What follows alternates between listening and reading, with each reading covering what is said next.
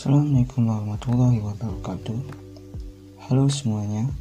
Selamat pagi, selamat siang, selamat malam Dan di mana pun kalian berada. Jadi Hari ini saya diberi tugas untuk membuat podcast Dan di sini saya akan membahas tentang rencanaku di masa depan. Jadi sebelum lanjut di topik Izinkan saya memperkenalkan diri. Nama saya Muhammad Al-Hafiz, biasa dipanggil Hafiz dari Prodi Teknik Telekomunikasi dan dari kampus Institut Teknologi Sumatera, kelompok PPLK 83. Nah, lanjut ke pembahasan.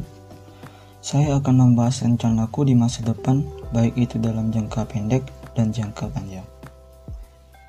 Rencana masa depanku dalam jangka pendek, saya ingin merubah jadi lebih baik.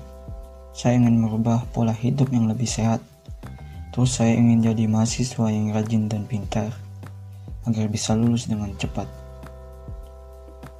Lanjut ke rencana masa depanku dalam jangka panjang.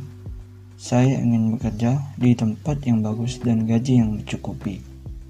Terus saya ingin membahagiain orang tua dan ngebanggain mereka. Lalu hidup bahagia. Itu aja sih yang pengen aku bahas ke kalian. Semoga apa yang kita inginkan, apa yang ingin kita cita-citakan dapat terwujud. Amin. Terima kasih yang udah nonton podcastku kali ini. Sampai jumpa lagi. Dadah.